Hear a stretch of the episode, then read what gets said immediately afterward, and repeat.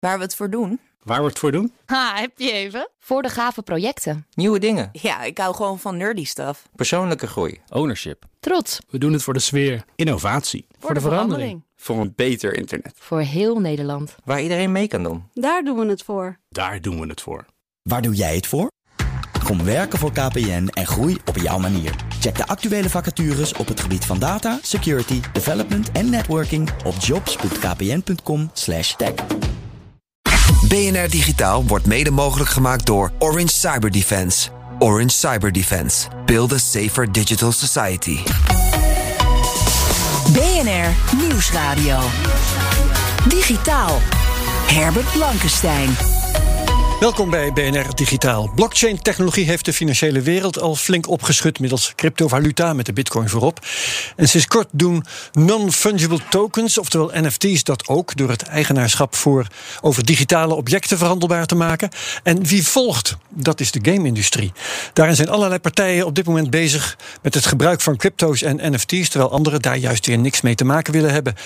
Wat zijn nou de kansen, maar vooral ook de uitdagingen om videogames op de blockchain te krijgen?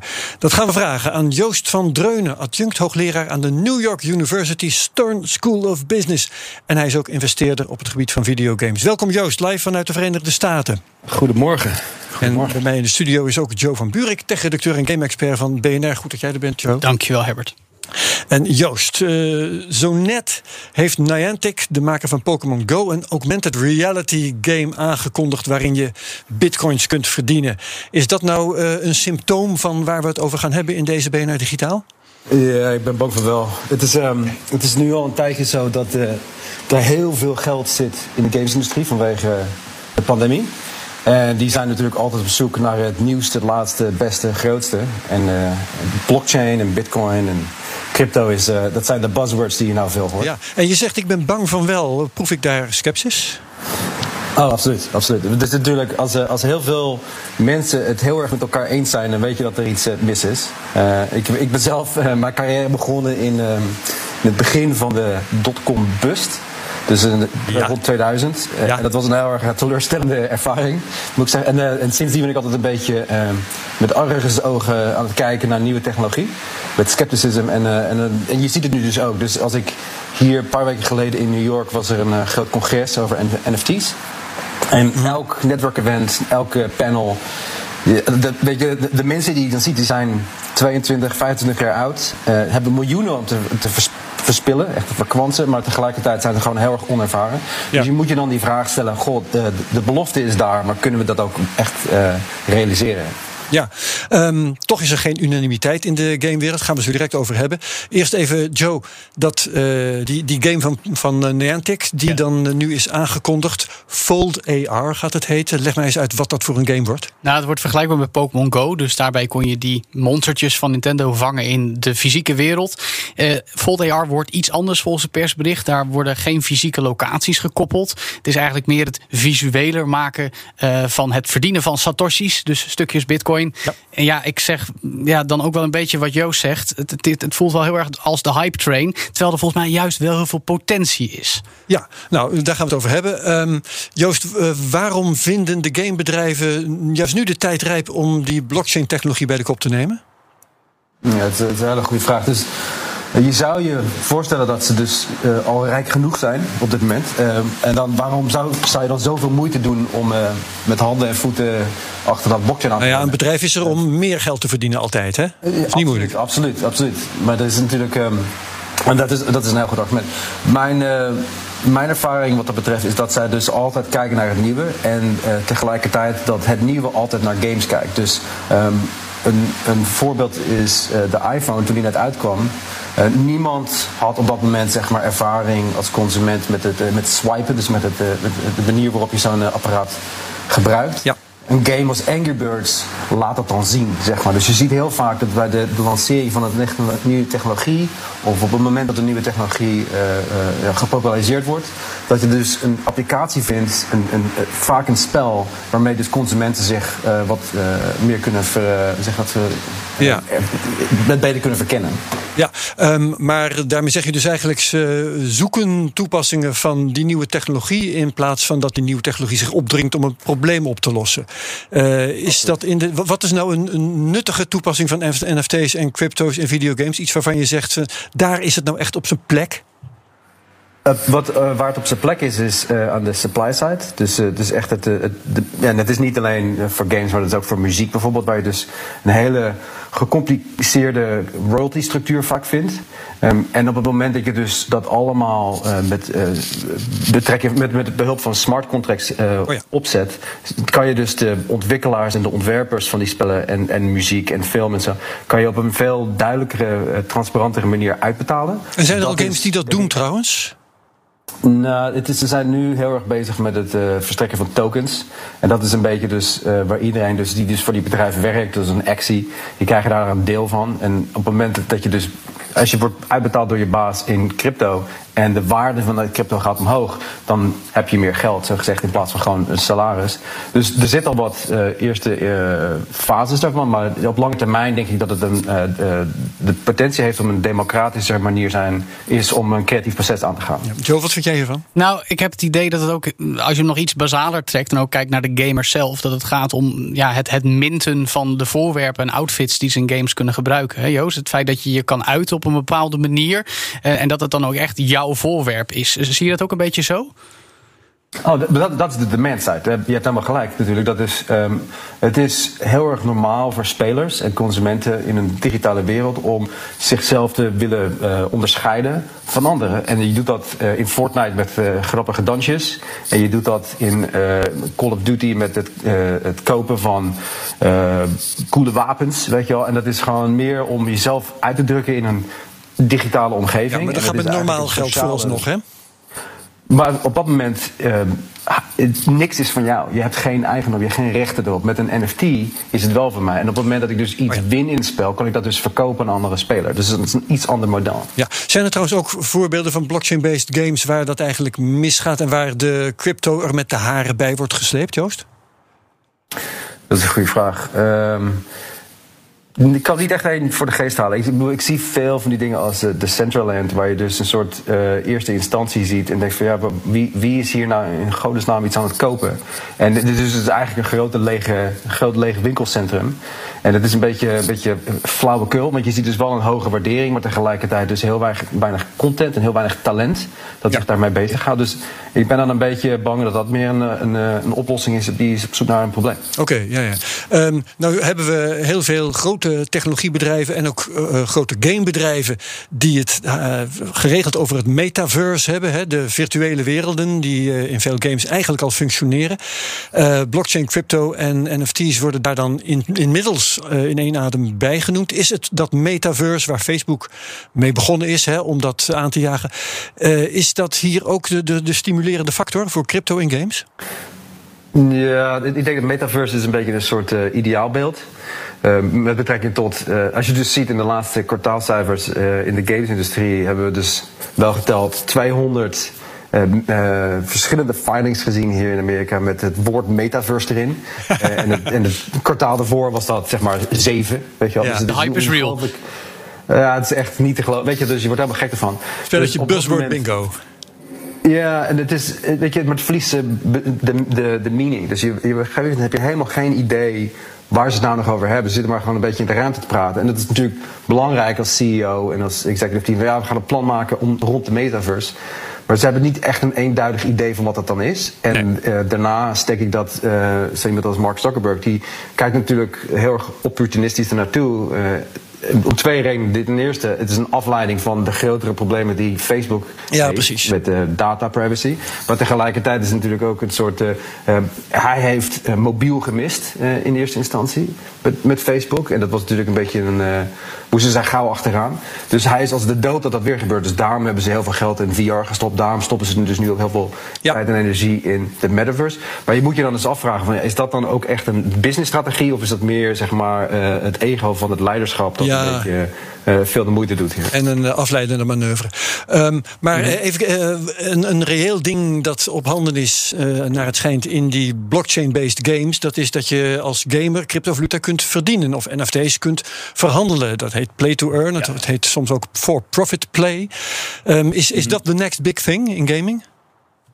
Het, op dit moment is het de next big thing. Um, ik weet niet of dat uh, lange duur heeft. Ik denk dat het uiteindelijk erop neerkomt dat mensen uh, een, een, spel spelen omdat daar hun vrienden zitten. Omdat ze daar het meest naar hun zin hebben. Daar zit hun sociale gemeenschap ja. online. Ik denk dat in eerste instantie het geld verdienen dat dat een beetje de, de hype is om dus uh, een soort marketing. Je krijgt gewoon heel veel mensen die dan komen kijken. Oh, kan ik geld verdienen? Ik wil wel van kijken. Ik wil proberen, weet je wel zo. Maar op lange termijn denk ik dat die, die, de waarde van, van dat allemaal naar beneden gaat. En dat het meer echt uh, gebaseerd is op sociale interactie. Dan. Ja, maar jij maakt je daar wel zorgen over, Joe? Ja, Joost, want precies wat jij zegt, het is waar je vrienden zitten. Maar ja, eigenlijk hebben we dat voorbeeld al. Dat heet Roblox, noemt zich notabene een metaverse mm company. Er zijn inmiddels bekende verhalen van, van kinderen die dan ge, ja, ge, gelokt worden met... nou, je kan hier je eigen games bouwen en daar geld mee verdienen. En vervolgens zijn er situaties waarin uitbuiting en zelfs burn-outs op de loer liggen. Dat, dat wil ik mm toch niet met de, de games die notabene kinderen graag willen spelen... omdat hun vriendjes dat doen. Zie je daar geen gevaren in? Oh, absoluut, absoluut. En dat is, dat is uh, en ik ben het helemaal met je eens. Ik heb een zoontje van acht en die is helemaal gek van. Dus ik zit altijd een beetje over zijn schouder te kijken van, goh, wat is hij aan het doen? Um, uh, maar dat is, niet dat is niet uniek met betrekking tot, uh, tot, tot blockchain nee, games nee, nee, vandaag. Dat is altijd al zo geweest. Maar denk je niet dat het erger Daarnaast... wordt als die blockchain-based games nog meer komen? Nou, ik denk, weet je, dat zeiden ze met free-to-play ook tien jaar geleden. Hè? Dat, was het van, oh, free-to-play, dat is heel erg, uh, zeg dat, opportunistisch en dat zijn predatorial practices, hadden ze dan over. En ze, ja, dat is ook wel zo, maar tegelijkertijd, het stelt wel een, een ventje van acht in staat om dan ook te spelen. En als hij dan wat wil hebben, als hij wat wil kopen, als hij een nieuw level wil, hey, cool, kan ik een beetje onderhandelen met hem over zijn zakgeld?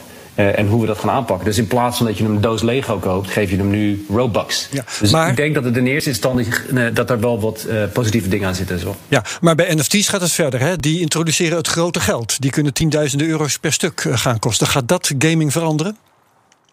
Ja, dat, dat hoor je nu veel. Dat zijn dus vooral de verzamelaars op dit moment. Dus ik denk dat op lange termijn dat veel mensen gewoon gewoon zijn. Dat ze dus, je ziet dat uh, van mijn werk als analist in free-to-play en, en, en, dat soort dingen. Zie je dus inderdaad dat er altijd whales zijn. Dat er dus een aantal, een, een klein groepje mensen in een game heel veel geld uitgeven. Op dezelfde wijze dat je dat ziet in een casino of weet ik veel, iemand die auto's verzamelt. En daarnaast heb je dus alle andere mensen die gewoon een beetje voor de lol erbij hangen en af en toe een tientje er tegenaan. Ja, ja, ja, ja. Dus ik denk dat het, dat, dat het de economie is waar we op lange termijn naar moeten kijken. En dat in eerste instantie de hype en de grote bedragen een beetje ja, afleiding zijn. Herbert Blankenstein. We hebben het over blockchain-technologie in videogames in BNR Digitaal. Dat staat nog in de kinderschoenen, maar er worden nu al miljarden geïnvesteerd om met cryptocurrency en met NFT's hele digitale economieën op te, duigen, op te tuigen. En die kunnen de game-industrie ingrijpend gaan veranderen. Uh, onze gast is Joost van Dreunen, live vanuit New York, adjunct hoogleraar investeerder op, de, op het gebied van videogames. Um, Joost, je hebt een uitgebreide achtergrond ook in videogame-marktanalyse. Je hebt je eigen bedrijf, dat heet Superdata, verkocht aan Nielsen. En je hebt bijgehouden dat die industrie in 2005 nog 26 miljard eh, dollar aan fysieke games omzetten en 1 miljard dollar aan digitale producten. En tegenwoordig is dat 53 miljard, dus twee keer zoveel van het ene, en 127 miljard, veel en veel meer aan die digitale producten. Hoe is die economie, hoe zijn de verhoudingen in die economie in 15 jaar tijd zo veranderd? Uh, het is een goede vraag. Er zijn eigenlijk twee uh, belangrijke trends. Ten eerste is digitalisering. Dus alles werd online, alles werd uh, ene en nullen. En daarnaast was natuurlijk ook de smartphone werd gepopulariseerd. Dus dan op het moment dat je dus in 2009 met Apple zie je een verandering in het beleid waar ze dus toestaan dat mensen free to play uh, zeg dat inkomensmodellen toestaan. Ja. Op dat moment is het meteen zo'n hockeystick. dus dat heeft heel veel geld in de, in, in de markt gebracht. Radicale stijging. En natuurlijk ook gewoon een radicale stijging, maar digitalisering is, is echt het allereerste. Dat het dus veel makkelijker is om games te maken en te consumeren, te distribueren en te marketen. Ja, blockchain dient zich nu aan als onderdeel van de gamingwereld. De gevestigde orde blijkt daar heel gemengd in te staan. Ik wees daar net al naar vooruit. Voorbeelden zijn uh, de mobiele gamegigant Zynga. Heeft al een hele eigen blockchain-afdeling, notabene. Um, de PC-platform Steam staat aan de andere kant en verbiedt het. En EA, bekend van games als uh, FIFA, uh, heeft een vaag statement vol buzzwords dat we hier niet zullen citeren. Um, waarom, waarom zijn die verschillen zo groot? Ik denk dat dat heeft te maken met het feit dat Zynga uh, uh, digital native is. Dus die zijn uh, opgekomen in 2004 met het begin van Facebook. En daarna zijn ze overgesprongen naar mobiel. Mobiele games en dat hebben ze heel ja. succesvol gedaan. En die snappen innovatie op een andere manier dan EA. EA is heel erg gebaseerd op intellectual property.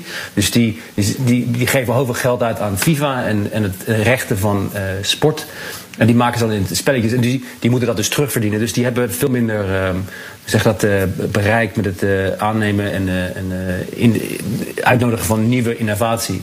Ja. En dat, dat verschilt dus heel erg hun, hun, hun, standpunt. Ja, begrijp ik. Joe, kijk jij er ook zo tegenaan? Nou, ik vind het interessant dat er zo nog een paar partijen zijn. Ubisoft kwam op een gegeven moment de aankondiging dat ze ook een blockchain-based game wilden gaan maken. Kregen ze kritiek op van een community. Discord, geen game maken, maar wel een chatplatform voor gamers.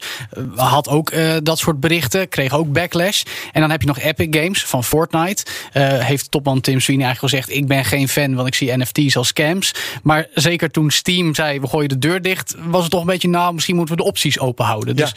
nogal veel verschillen. Maak ik uit jouw commentaar nu op dat de gaming community er eigenlijk niks van moet hebben? Nou, ik denk de conventionele hardcore gamer, daar reken ik mezelf dan ook even een beetje toe, als ja. ik persoonlijk mag maken.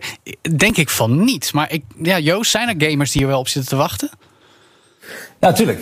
Je, moet je voorstellen dat is, um, de manier waarop NFT's en crypto uh, geld toelaten in, in games, dat uh, verandert dan ook natuurlijk hoe we spelen. In, in de, heel lang zijn videogames een soort uh, geïsoleerde ervaring geweest, waar je dus voor 60 piek kon je dus een spelletje kopen en dat, en dat was dan alleen jij in het spel. En dan later werd het jij en je vrienden in het spel.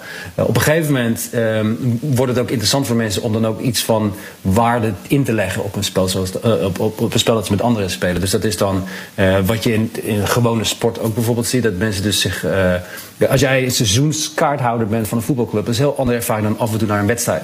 En op het moment dat je dus een monetaire dimensie eraan vastpakt, en dat kan dus met blockchain, uh, op een manier dat we dit nog niet hebben gezien, dat verandert dan ook de intensiteit van het spelen en de sociale ervaring. Dus ja. ik denk dat dat niet iets nieuws is. Ik denk dat dat iets wat is, is dat mensen al eigenlijk al jaren doen. Ja, um, maar wat ook gaat veranderen, omdat dus verschillende belangrijke bedrijven verschillende uitgangsposities innemen.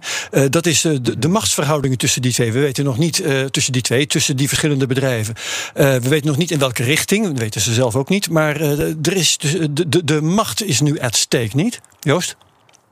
Mm -hmm, absoluut. Dus het, het is, het, um, ze zijn allemaal bang voor disruptie. Dus, dus het is heel erg uh, zo'n paniekmoment. Gauw iets zeggen erover, want straks uh, zeggen de investeerders: we, we hebben er niet op gelet, we zijn te laat. Uh, ik denk dat het dus uiteindelijk niet zo'n vaart zal lopen. Maar in eerste instantie zijn die bedrijven heel erg gevoelig voor nieuwe innovatie en technologie. Vooral als het dus rechtstreeks hun inkomensmodel ja. aanspreekt.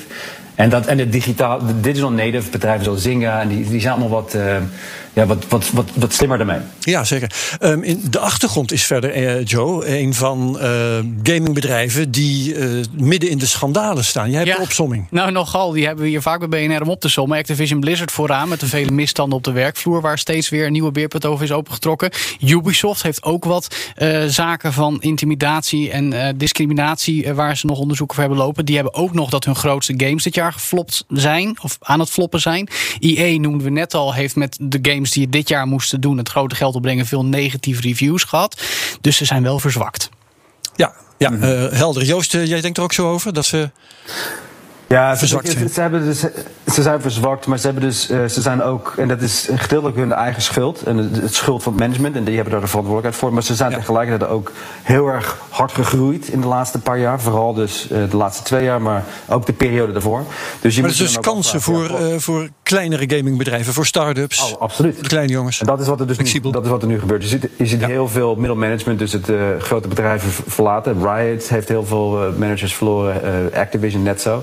En die weten dus de weg te vinden naar venture capital. En die zijn dus nu met hun eigen studio's bezig. En hoe schat jij dit in? Is dat nou uh, het begin van een lawine van innovaties? Of uh, krijgen we juist de volgende digitale zeepbel die voor de deur staat?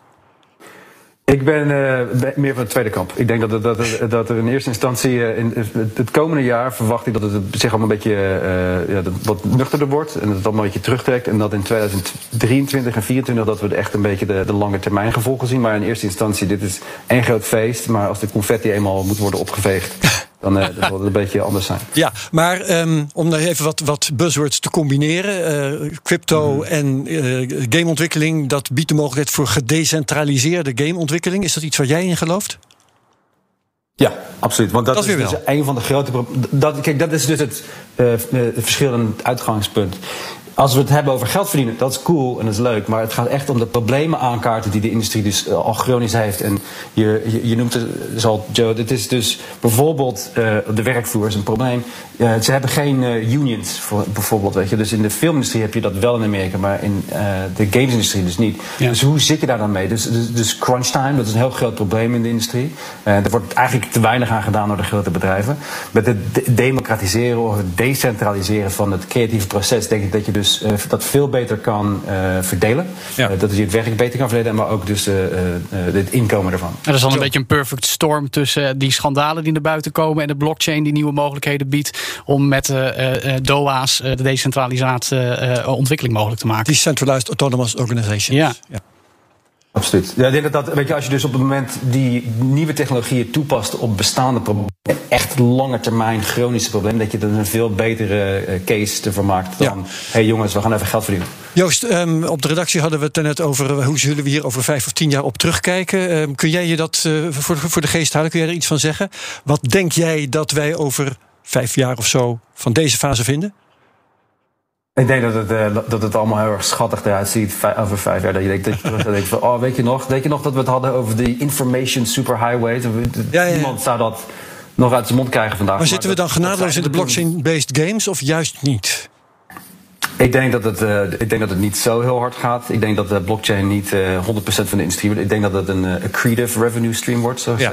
Dus dat er, uh, zeg maar, laten we zeggen, 10, 20% van het grote gedeelte is. Maar dat veel van de bestaande gebruikers gewoon blijven waar ze zitten. Oké, okay. dank voor je kennis.